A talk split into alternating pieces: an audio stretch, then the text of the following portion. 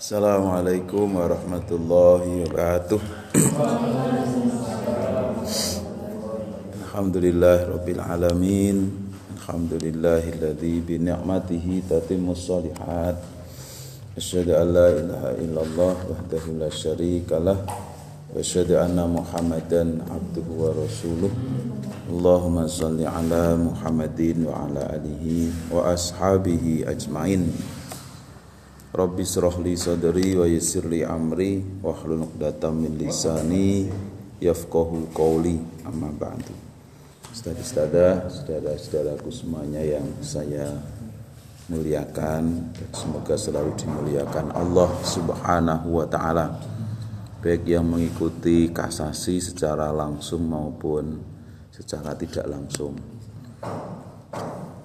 di grup MPZ Google kita akan melanjutkan bersama belajar apa yang menjadi keputusan dari Majelis Tarjih Pimpinan Pusat Muhammadiyah berkaitan dengan tuntunan berkaitan dengan tuntunan ajaran agama kita Islam berhubungan dengan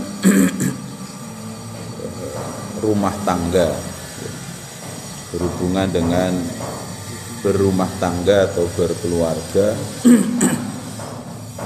tentu yang selalu kita upayakan berdasarkan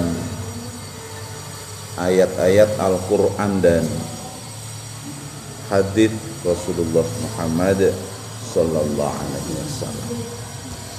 Pada kesempatan kali ini kita akan sampaikan tentang poligami. Poligami itu suami beristrikan lebih dari satu. Kalau poliandri, istri atau wanita bersuamikan lebih dari satu. Ada poligami, ada monogami. Kalau monogami satu istri. Prinsip nikah itu salah satunya adalah monogami boleh poligami kalau dalam keadaan darurat. Jadi gitu Mbak Ida, aman untuk calon-calon istri boleh poligami kalau dalam keadaan darurat. Jadi prinsip nikah itu ada enam kalau dalam ajaran Islam satu nikah itu suka sama suka. Jadi tidak terpaksa atau karena dipaksa satu suka suka sama suka. Ini biasanya eh, apa dalam dalam apa penataran atau pembekalan pranikah yang kedua nikah itu eh, apa nikah itu yang pertama suka sama suka yang kedua nikah itu apa? Monogami ya. ini nggak harus urut satu suka sama suka. Yang kedua monogami. Boleh poligami kalau dalam keadaan darurat. Yang ketiga nikah itu eh, diniati dengan ibadah kepada Allah. Yang keempat nikah itu salah satu dari melaksanakan sunnah mengikuti sunnah Rasulullah Shallallahu Alaihi Wasallam. Nah, yang kelima sebenarnya lebih lebih kalau dari urutan ini yang pertama atau kedua permudah nikah persulit cerai. Permudah nikah persulit cerai. Nah, sekarang agak ada kebalikan orang kalau sudah menikah karena dengan alasan yang kadang tidak logis ya memudahkan untuk cerai. Dan yang keenam nikah itu amanah. Nikah itu amanah. Kalau di Quran kan ayatnya mitsaqon ghalidha ya mbak mithaqan ghalidha janji yang suci janji yang kuat ya janji yang agung. Mithaqan ghalidha jadi nikah itu suka sama suka satu dua permudah nikah persulit cerai.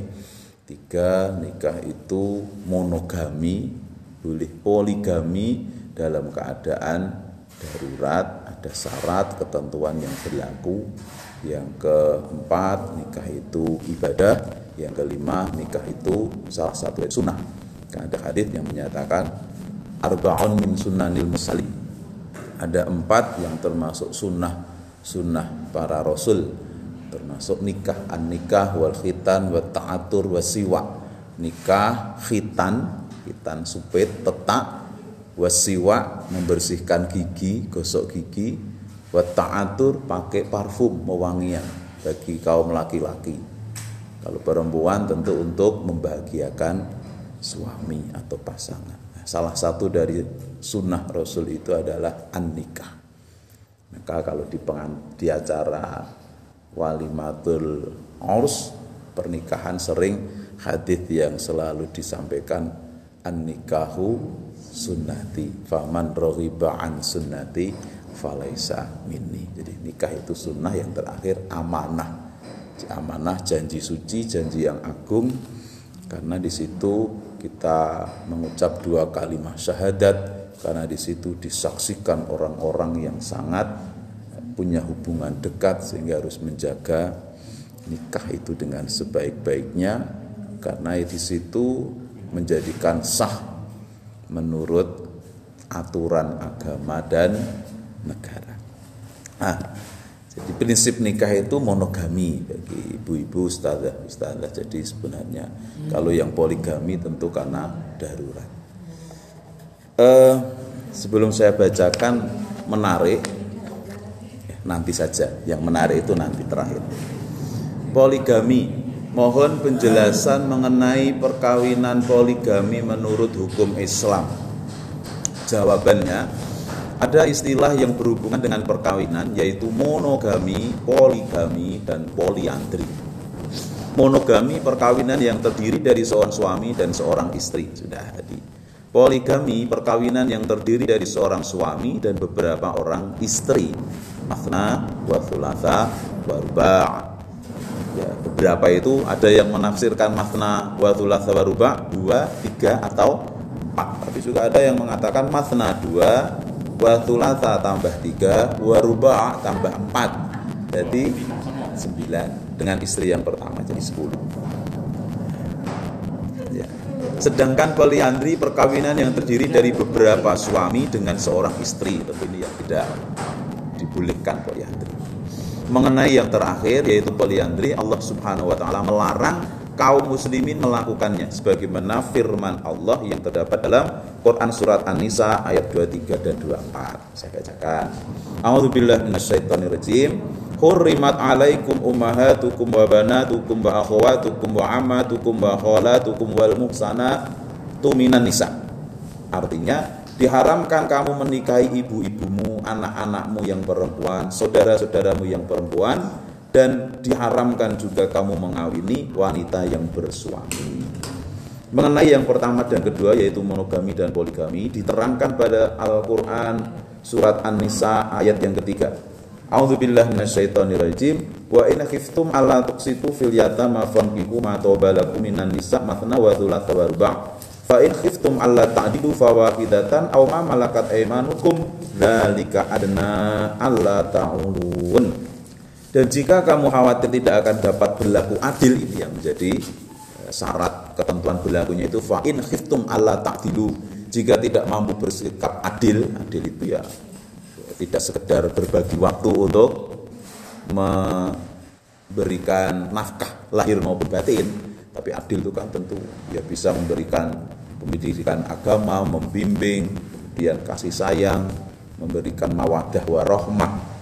Mawadah itu kan apa awada itu kasih sayang kalau diterjemah depak itu. Kalau di makna bebas orang Jawa itu mengatakan nah, dulu bapak saya mulai ngaji itu mawadah itu eh, sayang saya. Mawadah itu apa? Apa ya? Sayang sayangan jadi mawadah itu ya sayang sayangan ya mawadah itu.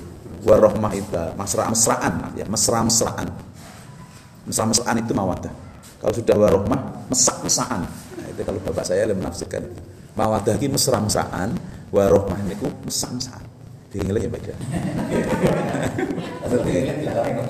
mawadah itu mesra-mesraan karena ada sesuatu yang memang menimbulkan uh, kita cenderung untuk menyayangi memperhatikan ya, ya karena apalagi masih nikah baru nikah sama-sama muda itu kan gejolak hati untuk mencintai, menyayangi, memperhatikan itu sangat luar biasa. Tapi kalau sudah nikahnya 30 tahun mungkin ya, 20 tahun sudah anak butuh wis pepak.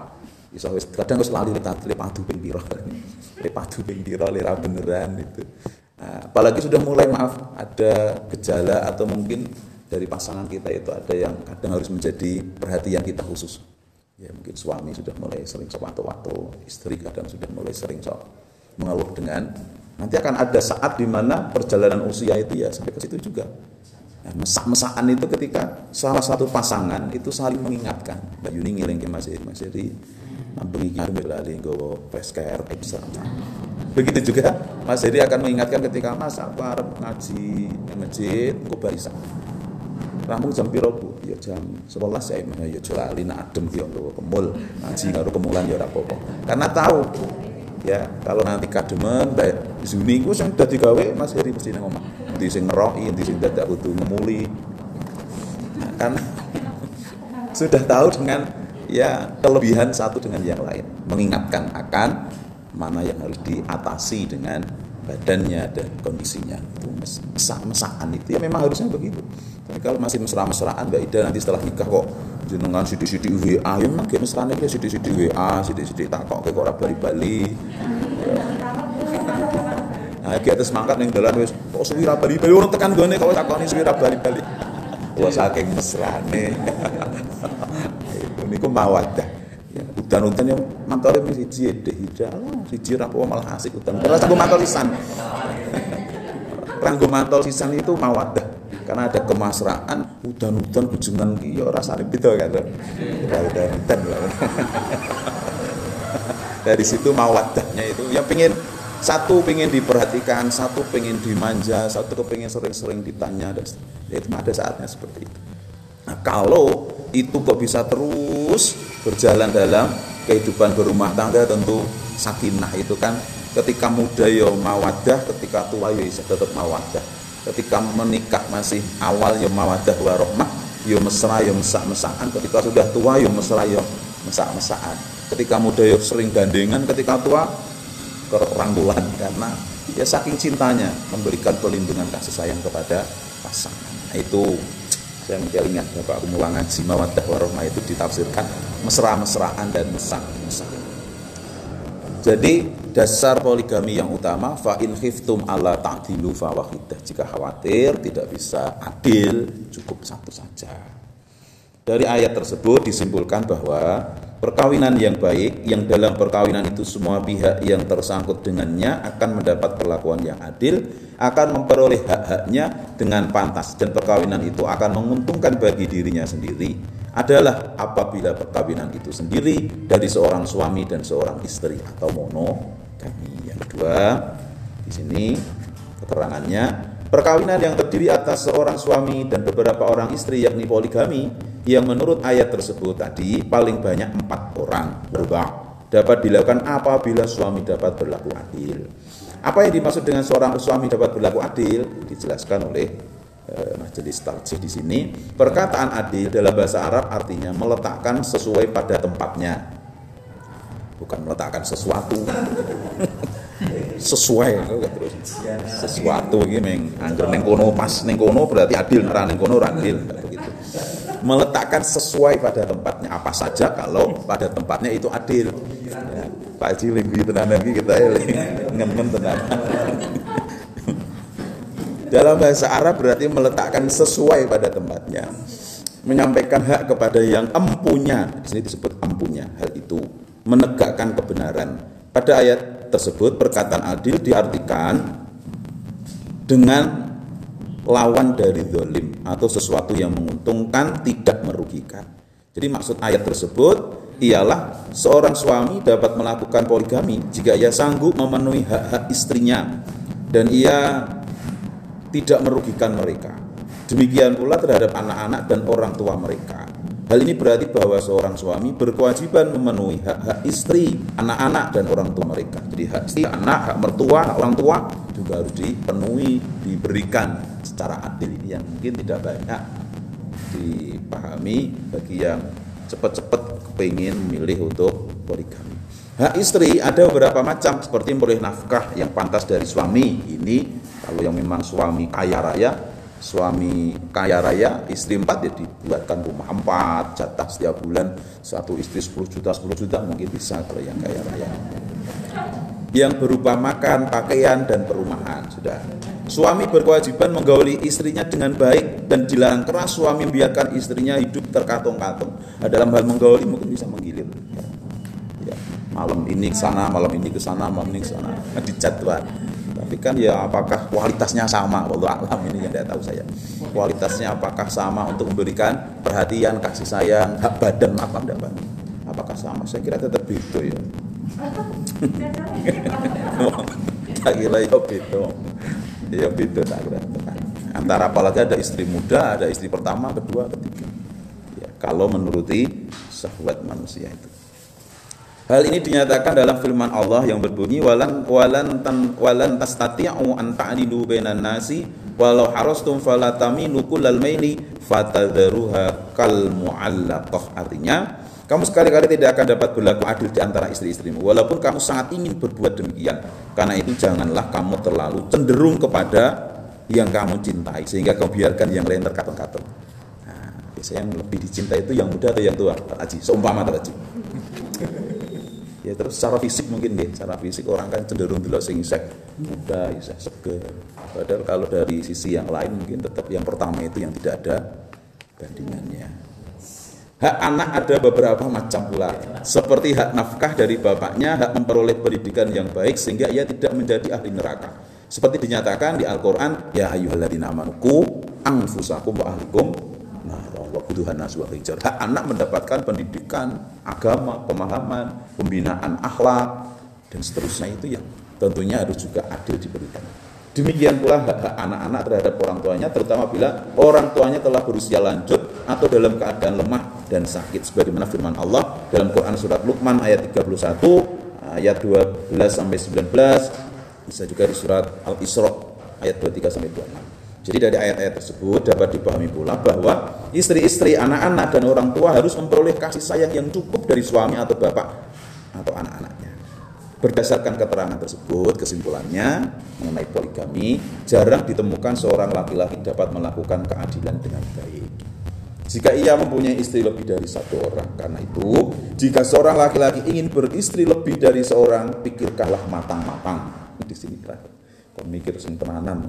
Dipikirkan matang-matang. Apakah ia dapat adil terhadap istri-istri atau tidak? Pada dasar yang paling pertama di ayat tersebut wa in khiftum alla ta'dilu fawahidah. Jika tidak mampu khawatir bersikap adil maka cukup satu saja kita didik kita bimbing kita jadikan istri yang solihah yang nanti akan menjadi pendamping bidadari di surga. Ada sebuah survei yang menarik terhadap sifat laki-laki di dunia. Saya dapat WA dari teman. Gak ditulis boleh, direkam boleh apa ini? Survei terhadap sifat laki-laki di dunia, hasil survei terhadap sifat laki-laki di dunia satu untuk orang Eropa. Mereka punya satu istri dan satu pacar tetapi mereka lebih mencintai istrinya. Di bojo nih yang di pacar. Jadi ya apalah itu nanya mungkin ya serpan ya. Itu orang Eropa. Punya satu istri, satu pacar, tapi mereka lebih mencintai istrinya. Yang kedua, orang Amerika. Mereka punya satu istri dan satu pacar, tapi mereka lebih mencintai pacarnya. Amerika Amerika berdasarkan survei. Karena di sana kan Salmon Livon kan. Salmon Livon itu kumpul kebun free sex Salmon Livon satu tempat ya tinggal satu tempat satu rumah tiga orang India. Mereka punya satu istri dan empat pacar. Tapi mereka lebih mencintai ibunya. Oh, kalau dengan ibunya orang India itu sangat sangat hormat ya. Cium tangan cium kaki cium cuci kaki ibunya. Orang India karena yang melahirkan. Makanya ibu-ibu India itu kan selalu kelihatan pusernya biar anaknya tahu kamu dilahirkan dari perut itu. Orang Arab mereka punya empat istri dan satu pacar, tetapi mereka lebih mencintai pembantunya. Ini survei Allah alam. Ya, ya. Orang Cina mempunyai satu istri dan beberapa pacar, tetapi mereka lebih mencintai uangnya.